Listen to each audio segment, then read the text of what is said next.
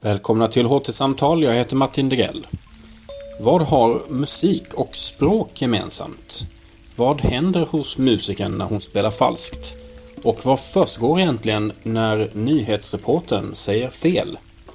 I den här inspelningen från Humanist och teologdagarna 2019, då temat var just misstag, kommer vi att få höra Jonas Granfeldt och Karin Johansson fördjupa sig i dessa frågor. Karin är professor i konstnärlig forskning i musik vid Musikhögskolan i Malmö. Och Jonas är professor i franska vid Språk och litteraturcentrum i Lund. Väldigt roligt att vara här. Mm. Och jag ska först säga några korta ord om LU Futura. Jonas och jag är båda medlemmar i den akademiska tankesmedjan LU Futura här vid Lunds universitet. Och eh, där ingår en medlem från varje fakultet i universitetet. Eh, vi träffades där och började vid något tillfälle samtala om mm. likheterna mellan språk och musik. En av eh, de få kaffepauserna. Vi mm. jobbar väldigt hårt i Futura men ibland dricker vi kaffe och då pratar vi om annat än framtiden som är Futuras stora tema. Och då kom Karin och jag att prata om språk och musik och skillnader och likheter och eh, kom fram till att eh, jösses vad mycket saker vi har att diskutera. Och så tänkte vi att eh, när vi såg det här temat, misstag, på HT-dagarna, att det vore ett tillfälle att få fördjupa oss lite grann i det. Så det ska vi göra idag. Mm. Vilka egenskaper delar då musik och språk? Kommer en liten historisk exposé. Musik och talekonst, retorik, har länge sammanliknats. Den romerska retorikern Quintilianus påpekade redan cirka 100 före Kristus, okay. att, före vår äh, tideräkning, att musik och grammatik i äldre tider ansågs vara samma sak. Den store musikteoretikern Johan Mattesson anknyter till Quintilianus och beskriver hur interpunktionstecken från skriftspråket kan användas för att förbättra musikalisk frasering. Paul Grognon, professor i musikteori vid Pariskonservatoriet, hävdar i en artikel 1925 att musik kan ses som ett självständigt språk med grammatik, fraser och dialekter. Han menar att musikaliskt lärande helt och hållet kan jämföras med att lära sig ett språk. Just det, och eh, även eh, samtida eh, språkvetare, samtida lingvister Eh, har intresserat sig för den här frågan om strukturella likheter och skillnader mellan, mellan språken. Och en av dem är amerikansk lingvist som heter Roy Jackendoff. Och hans ingång i det här med, med eh, jämförelsen mellan språk och musik, det handlar lite grann om den, det handlar ganska mycket om den mänskliga språkförmågan. Eh, en del språkvetare intresserar sig mycket för frågan om huruvida människan har en särskilt unik språkförmåga som skiljer oss ifrån andra primater, andra djur.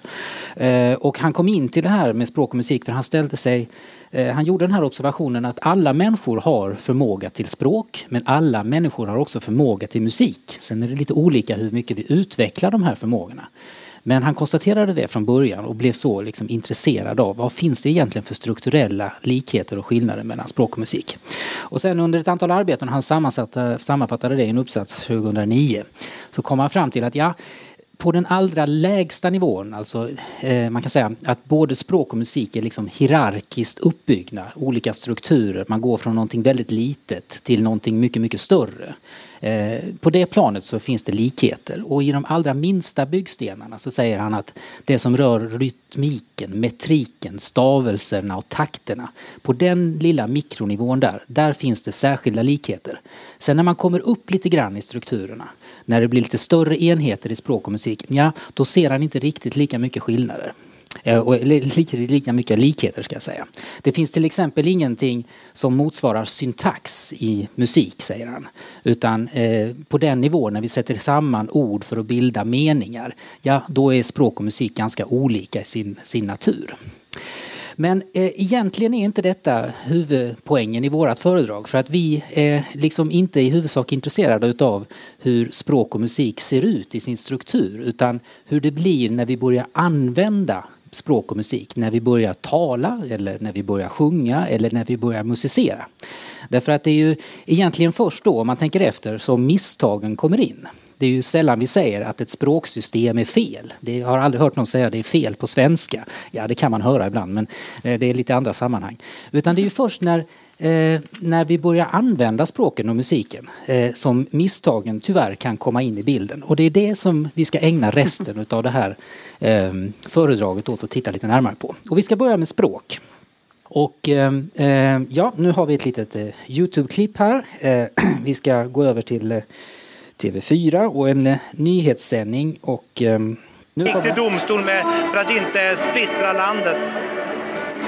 Tack så länge Bertil Karlefors alltså i Washington.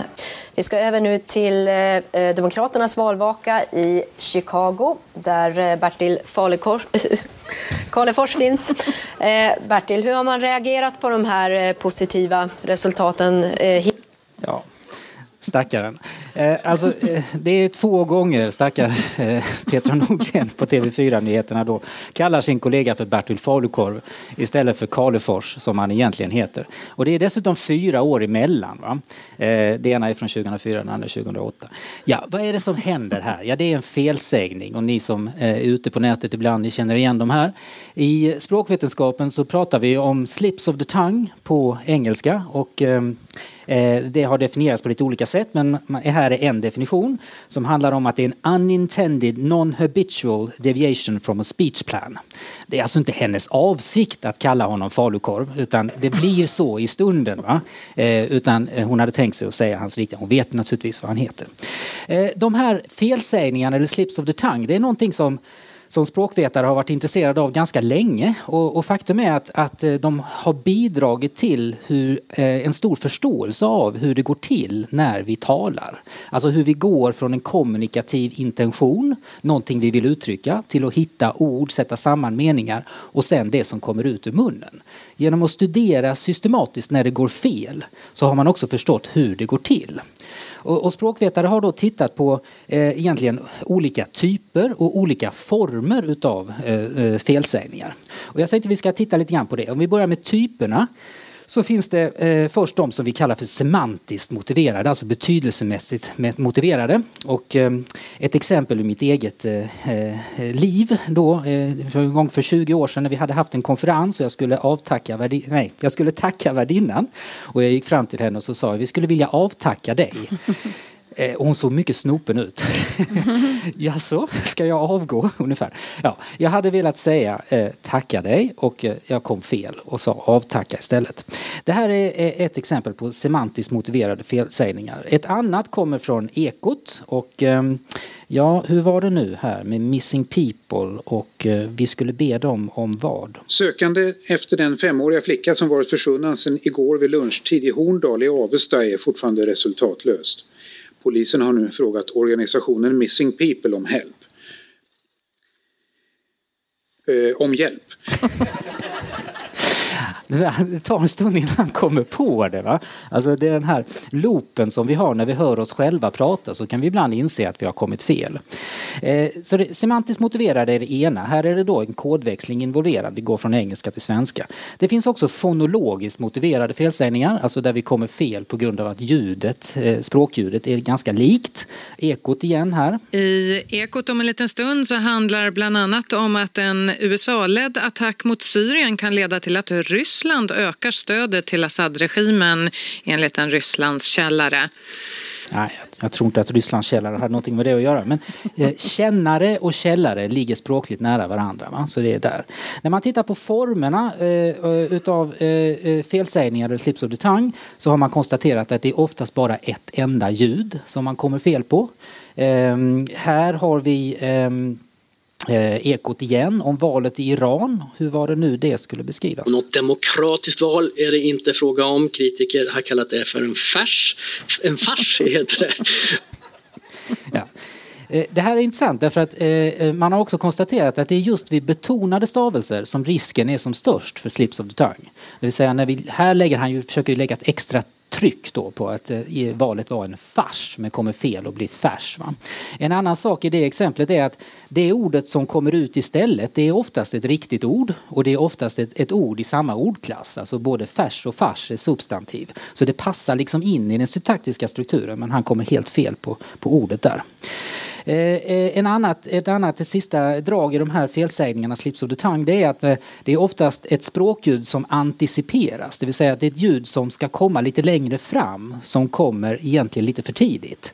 Så det är därför som korrespondent kan bli korrespondent när vi har London efteråt. Mm, Patrik Holmström heter vår korrespondent, korrespondent i London. Du lyssnade exakt. Vad är det nu David Cameron föreslår? Ja, vad var det nu han föreslog? Så eh, det här är ju då exempel på eh, felsägningar som uppstår när vi pratar vårt första språk eller vårt modersmål. Alltså, eh, språkvetare brukar skilja mellan kompetens och performance. Det här är ju performancefel, det vill säga det är någonting som händer när vi, när vi talar och eh, det har inte att göra med att vi inte vet att det är skillnad på färs och fars naturligtvis. Eh, på ett eh, främmande språk, ja då är det ju lite värre. Därför att eh, där är ju också så att vi, beroende på hur mycket vi kan det här främmande språket så kan kompetensen vara lite olika. Och ehm, Eh, nu ska ni se här på nästa bild, då ska vi gå över till lite mer skriftexempel. Men eh, eh, den här typen av exempel, så när man är ute på nätet och tittar. Jag kan, inte, jag kan inte garantera äktheten av någon av de här kan jag säga, men jag tror att ni känner igen dem.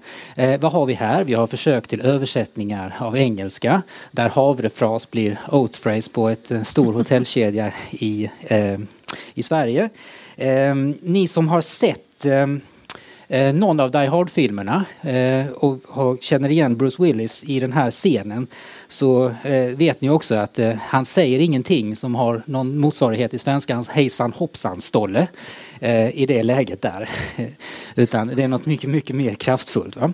Eh, när professionella översättare ser den här typen av exempel diskuteras på forum på nätet så blir de ofta upprörda. Och varför då? Jo, därför att den här typen av textningar som det är fråga om i filmen där, det görs av maskiner. Det är alltså inte människan som har fel här utan kompetensbristen den ligger hos maskinen i de här fallen.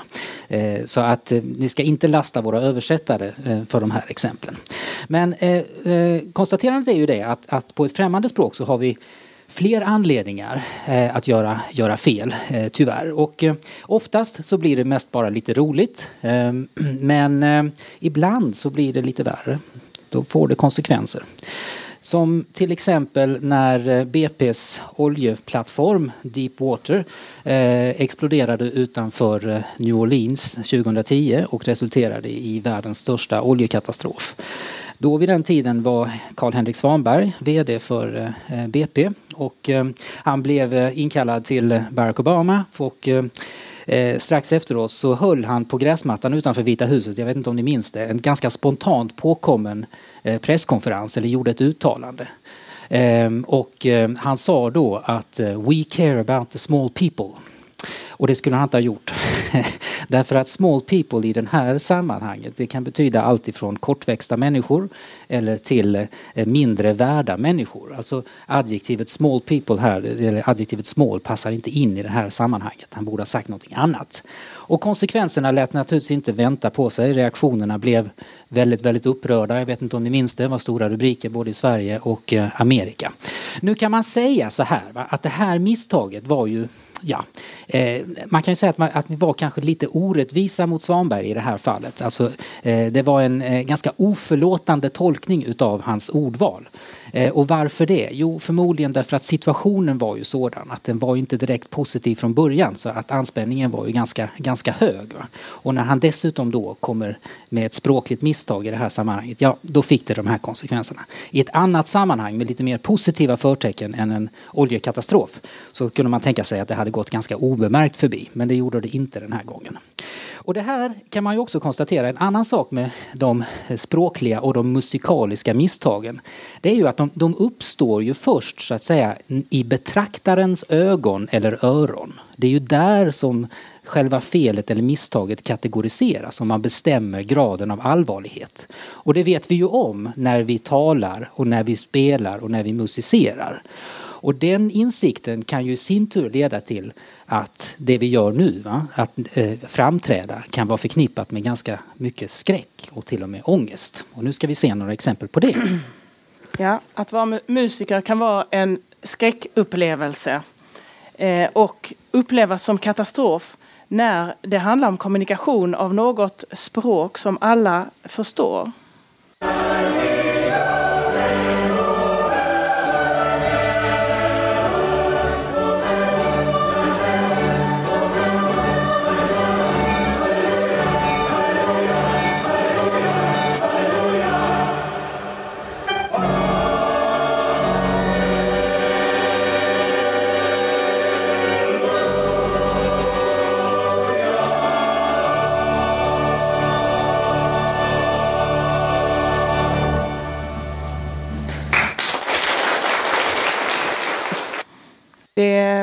Här är något man fruktar som musiker. Eh, att eh, göra en miss som orsakar katastrof för alla. Många musiker plågas också av scenskräck. Och det, det, finns ett begrepp för det, Music Performance Anxiety. Särskilt bland klassiska musiker så är detta ett vanligt problem.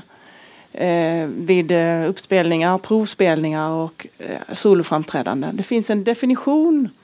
The experience of marked and persistent anxious apprehension related to musical performance that has arisen through underlying biological and or psychological vulnerabilities and or specific anxiety conditioning experience. Det vill säga de här sammanhangen. It may or may not impair the quality of the musical performance. Mm. Man säger ofta att det orsakas av att man eh, har ett hård tryck på sig själv. Att man blir över, eh, alltför upp, eh, alltför spänd. Och att man inte är tillräckligt förberedd. Och man kan i längden få fysiska och psykiska skador. Många lämnar detta yrke. Det finns många sätt att åtgärda music performance anxiety, till exempel kognitiv terapi, hypnos, Alexanderteknik och liknande metoder, medicin, kanske droger, eh, betablockerare och kanske allvarligare eh, åtgärder. Men kan man fråga sig, vad är det egentligen som åtgärdas när man gör detta? Det, då löser man individens problem med en struktur som eh, man inte problematiserar överhuvudtaget. Eh, de här pressande framträdande situationerna eh, och eh, kommunikationsformen är kanske inte självklar. Den borde man också ifrågasätta. Och man kan titta lite grann på om man säger att musik är ett språk så har det också olika dialekter eller genrer. Till exempel, det finns studier som visar att musikerstudenter inom klassisk musik vid till exempel masterclasses och eh, repetitioner, de lyssnar i huvudsak på vilka fel deras medstudenter gör.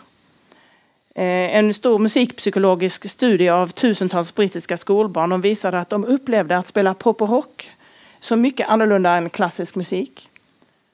Det var enjoyment, exercising creativity and imagination, relieving tension and stress.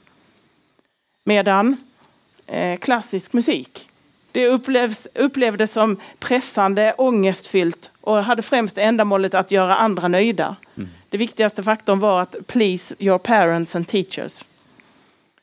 Eh, nu betyder inte det att det här, eh, de här skillnaderna ligger i själva mus musikgenren utan i de former som omger dem och som man kan utveckla. Så dessa språks olika lärandevägar och framförandeformer motsvaras då av olika grader av rädsla för att göra fel och misstag. Och man kan tänka sig att den dominerande skriftliga kulturen i klassisk musik, det vill säga noterna, det gör till exempel felspelningar tydligare för alla. Medan frihetsgraderna i gehörsmusik kan vara större. Det är inte så ofta man hör talas om några folkmusiker som har scenskräck till exempel. För att där går det till, eh, lärande och framförandeformer är helt annorlunda. Eh, lite snabbt då så kan man konstatera att precis samma begrepp finns inom språkdelen eh, eller språksektorn. Eh, vi pratar om foreign language anxiety, alltså talängslan kan man känna både på modersmål och på ett främmande språk. Men det är kanske särskilt utmärkande när vi försöker att tala ett främmande språk som vi inte behärskar fullt ut.